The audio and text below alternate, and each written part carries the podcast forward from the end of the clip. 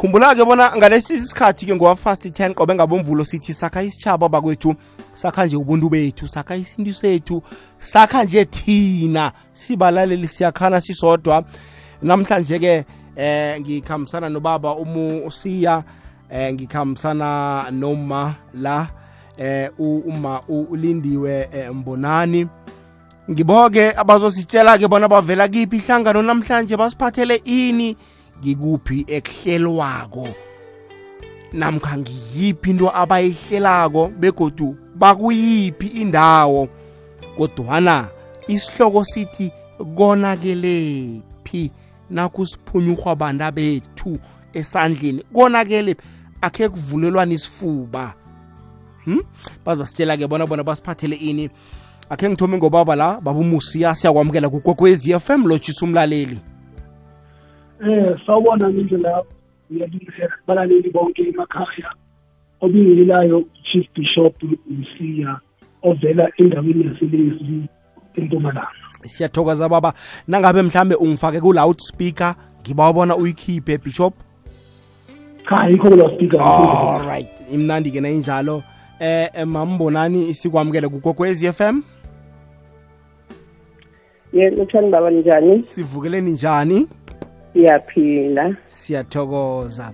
Awuzweke akhe ngithome ngobaba laqangi eh bishop ami nibobani? Kuphi?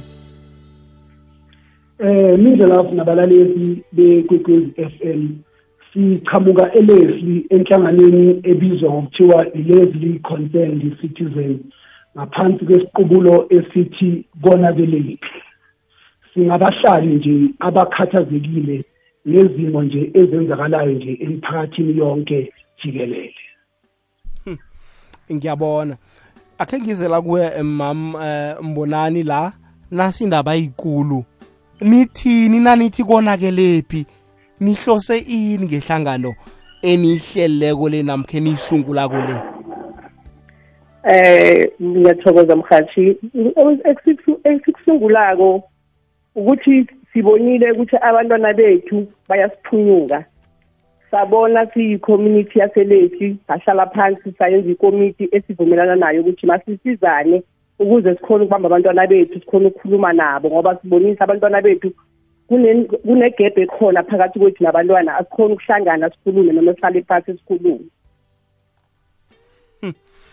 ngiyabona. Alo babumsiya nihlelanike ukuvala igap le ebalwe ngumma ngikuphi nikuhlelako mhlambe? Eh ufuthi abasibonile ukuthi lena yinkulu angeke uyikhone uwedwa. Sase sithi masibize bonke abantu abangaba nosizo kule nkinga esibambe umhlaba wonke. So la elesi sihlele inkonzo noma i-event lapho ekuyobe kukhona abosolwazi abahlukahlukene abazosilekelela basisize ukuvala le gap ekhona phakathi komzali nomntwana noma nje ama-problems akhona nje emphakathini hmm. Ngiyakuzwa. Njengazela kiba machumi amabili nomze ngaphambi kobana kubethe isimbi yechumi nanye leyigwegwez m kukhanya ba siphakathi kwehlelo la sithi khona sakha isitshaba eh sithi konakelephi eh ma umbonani la abantu abethu siyababona basiphunyuha nje ezandleni zethu. Siyazama ingasi ukuthi asizami. Ingasi ukuthi siyazama ukuthi ukhalima umntwana umntwana akudosele epolice station. Ukhalima umntwana umntwana athathe impilo wakhe ngathi akusafani nakuleza nkathi uthini ngalokho ma? Ya mhathi ngifuna ukutsho lokho ukuthi sibone lokho ukuthi impilo yanamhlanje ayifani nempilo yethu. Kungakho sibe nale sicubulo sokuthi konakelephi ngoba siyabafuna abantwana kusezekithi bazositshela ukuthi konakelephi kuze sikhone ukukhuluma nabo. And njengoba ubaba umsiya atsho uthi angeke uyikhone uwedwa. Kungakho kulabantu esibamenileko like abafundisi ukuthi nabo babe khona ngoba ne-praise siyayidinga siwabizile namaphoyisa ukuthi abe khona department of health nayo ibe khona ukuze sizobambisana sikhona ukusiza abantwana bethu nathi sisizakale singabazali ukuthi abantwana bethu kumele sibakhuze njani. Sidinga ukuthi sazi ukuthi abantwana bethu kumele sibakhuze njani kuze sikhona ukuzwana nabo noma abantwana bethu bakhona ukukhuluma nathi ngoba enye into esiyiqalileko abantwana bethu siphelelene nabo abakhona ukusondela kubazali. Manje singabazali sibone ukuthi akube kuhle ukuthi abantwana abasondele kithi abazali basondele ebantwaneni. Bishop am la uma uphatha indaba enkulu la uthi eh ubaba nakafika ekhaya uba libhubezi abantwana bakhona ukukhuluma nobaba.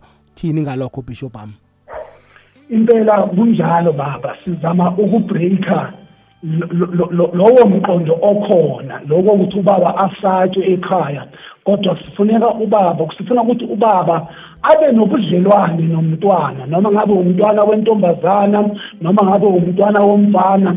Ngoba okunye esikutholile kubantu abake basurvive ezintweni ezinjengalezo baveza ukuthi le gap ekhona phakathi komzali nomntwana iyona eholela ukuthi omunye agcine enze ingozi yokuthi mhlambe ayithathe impilo yakhe ngoba omunye akakhona ukumbona omunye ukuthi unenkinga ngoba kune-gap ukhona osaba omunye ukhona obalekela omunye. So sifuna ukubreaka lokho ukuthi makube khona ubudlelwane a friendship phakathi komuntu omdala nomuntu omncane. Lingabikho ibhubezi lingabikho obukhali kodwa kube khona abantu abazwanayo abaphilisanayo ukuze omunye azombona omunye lelanga azovuka ngalo angekho mnandi. Akhona ukubuza ukuthi konakelephi namhlanje why ismayili ngingasiboni hmm. ma ngiyazibuza la ababelethi bayamukele njani? eh ihlangano le nikhe nababiza nahlala nabo phasi nafuna nabapha nje umkhanyo bona linto esiyizamako nasi bayamukela njani linjani isekelo lababelethi ngento eniyithomako le? La ekhaya mhathi likhulukhulu isekelo lababelethi ngoba sifumene ukuthi vele ababelethi abaningi banenkinga yokuthi abantwana babo abakhoni ukukhuluma nabo. So basisekele khulu umphakathi waselesi usisekele kakhulu abosomabhizinisi nje la ilezi isekelo likhulukhulu kungakho sithi ayingene ngasemhathweni ukuthi oseduze nelesi ngaleyo date naye akhone ukuthi noma ngabe umzali wakwe-devon um king ross imbaleki oseduzana akhona ukuza naye ngoba asifuni ukuthi kube yinto yaselesi ngoba ngangathi uyayi-check-a le nto yabantwana abazibulalako ayisiselesi kuphela igcwele umhlaba wonke. So sidinga ukusizakala umhlaba wonke hhayi ilesi kuphela.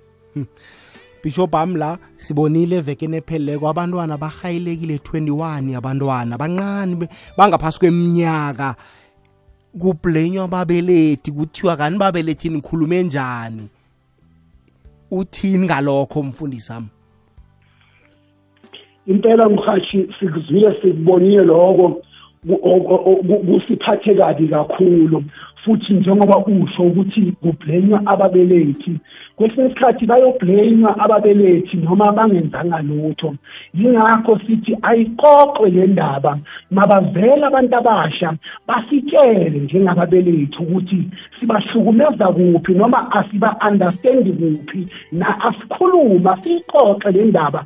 Sithatha ukuthi ulwazi enginalo mangilibeleceleni kodwa kuvuke i-understanding ngimuzwe umntwana naye angizwe. Sivumelane ukuthi this is the way forward. Sizokuhamba kanje ukusuka la. Ngoba ngiyacabanga ukuthi mhlambe kahle kahle siyavumelana ngento eyodwa kodwa ngenxa ye-gap nangenxa yokusabana asi-understandani yingakho sithi ayiqoqwe le ndaba ngomhla ka-thirty julayi abeza abantwana beza ababelethi sibekele ulwazi lethu eceleni kodwa silalelane ukuthi kuphi la ungangizwa khona? Nami kuphi la ngikusola khona mntanami? Bese kungenelela nalaba abanolwazi olunzulu babona ukuthi mzali lana ngathi uthatha ngamawala noma lana mntwana uthatha ngamawala. Kahle kahle sidinga usizo sonke ukuze si-understandane sikhona ukusebenzisana.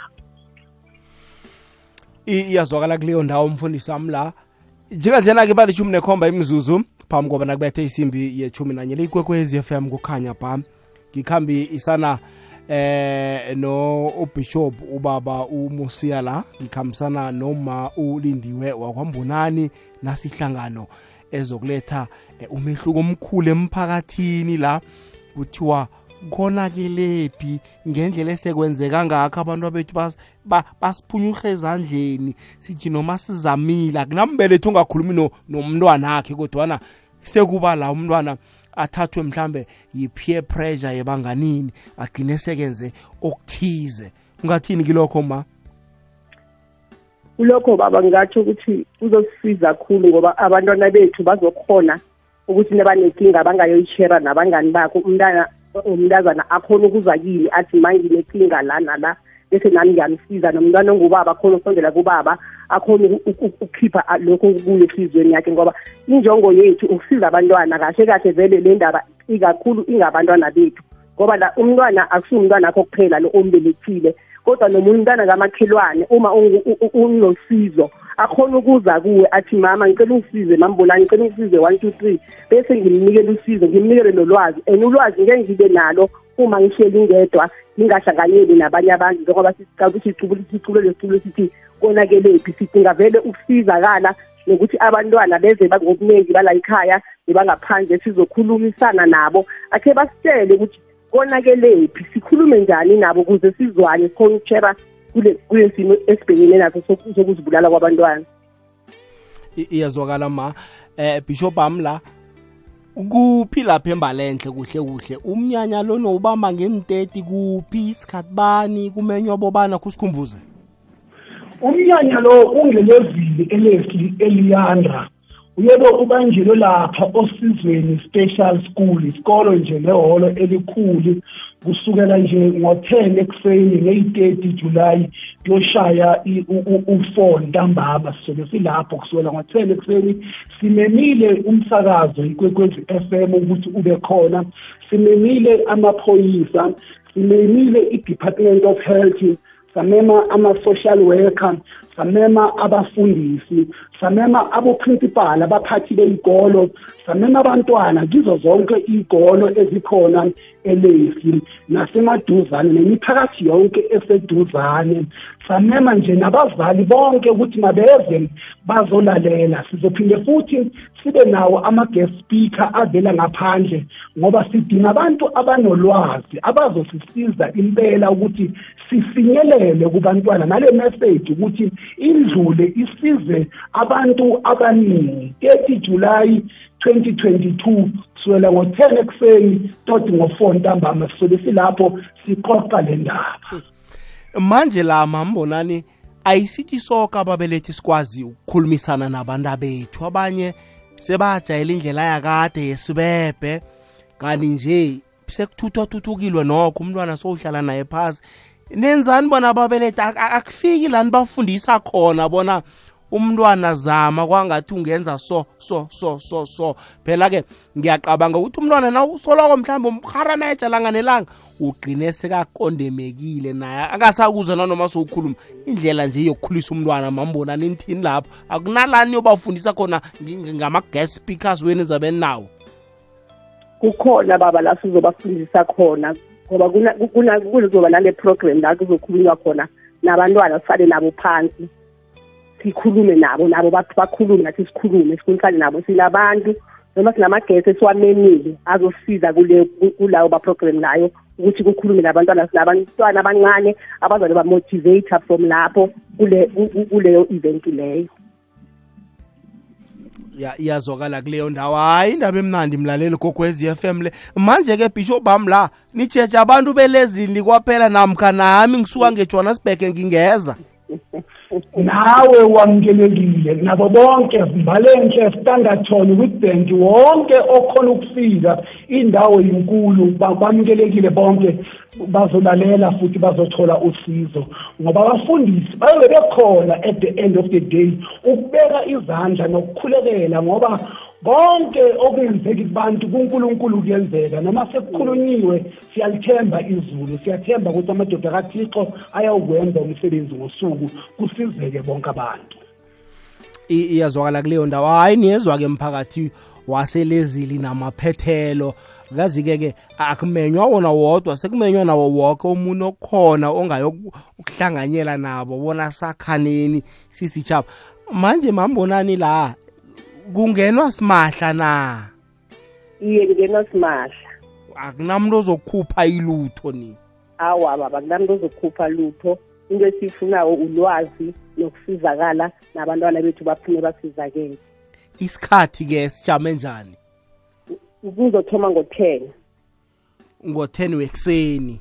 Eh kuzabe kuney'teti zakajulayi kuzabe kuyisaturday. Ngo-ten ekuseni emkini uyaqala lapha eholweni osizweni special school.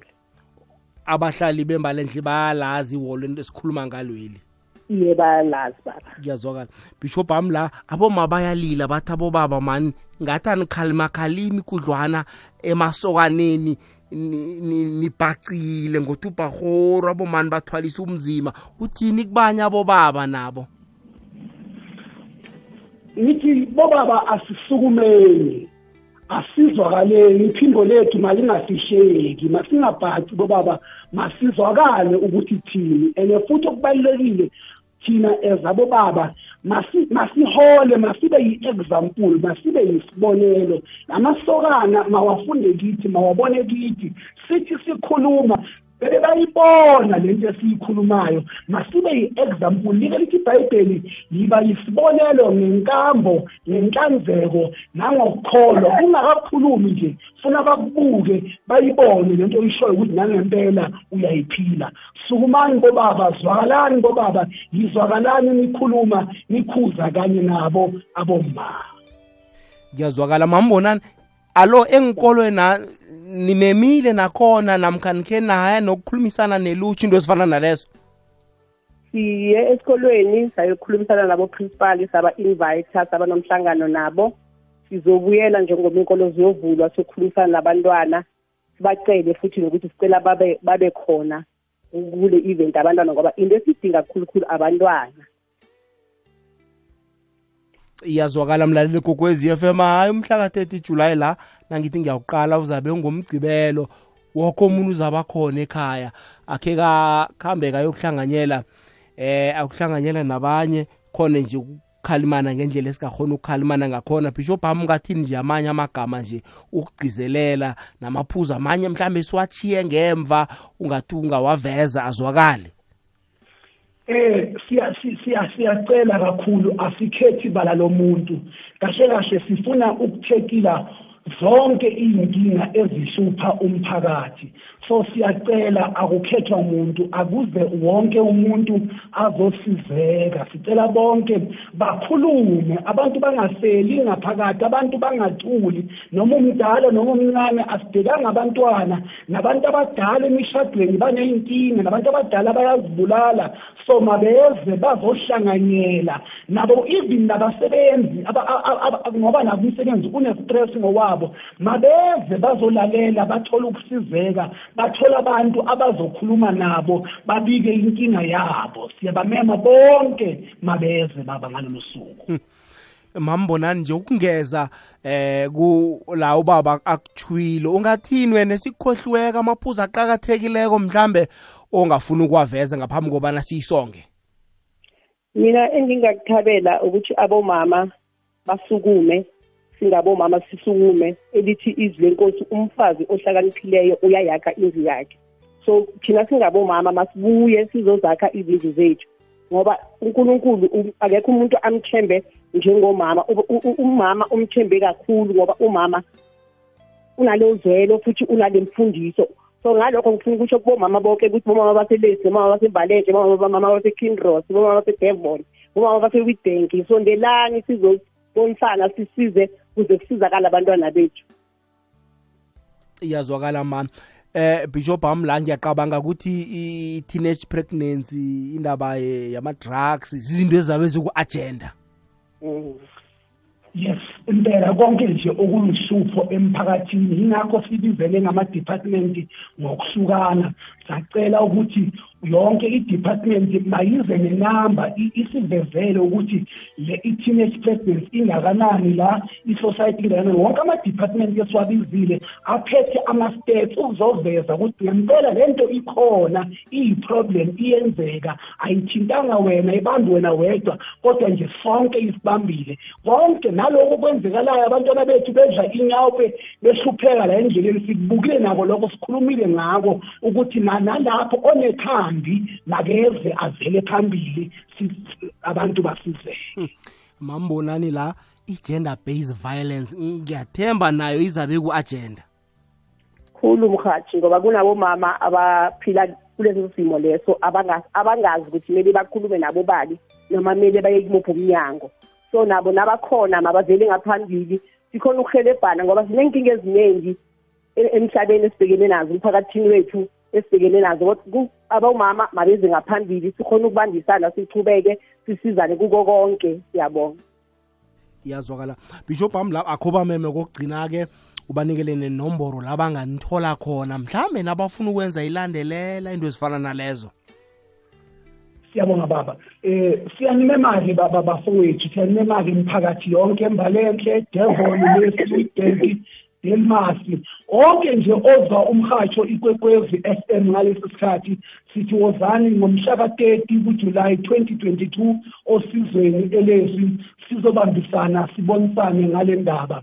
Ningasithinta nje kumanamba 076 3244 292 076 3244 mamlindiwe uzowabiza amanye beze nje abafethu bazasilekelela balalele ngomhla ka-30 July khona eLeslie osizweni special school.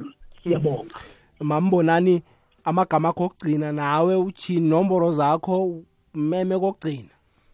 Eh ngiya- ngiyathokoza ngingathaba kakhulu nabangaba nabanye umphakathi nanga-athenda kube khona. Inomboro zami athi zithi 073 53 54022 la ngitholakala khona. Thokozile bishop no nomambonani kuba nani namhlanje? Sinifisela ngathi konke nikuhlelako eh isimile nifuna ukusivuselele ebantwaneni bethu ebantwini abatsha kwangathi kungaba ipumelela uzimu nje anikhambele ngaphambili umnyanyeni nuhleleleko ukhambe kuhle wonke nabantu enimamemileko bafike bonke nithole nabasekeli. Siyathokoza mhathi siyathokoza. Siyathokoza mhathi siyathokoza kuleyo ndawo hayi zwakele mlaleli kokwezi FM abantu abenza into ehle kufanele vele ukuthi eh, sibathokozise sibaveze ngaphambili ngoba bakha isitshaba sethu. Sithi sakha isitshaba sithokozile kuleyo ndawo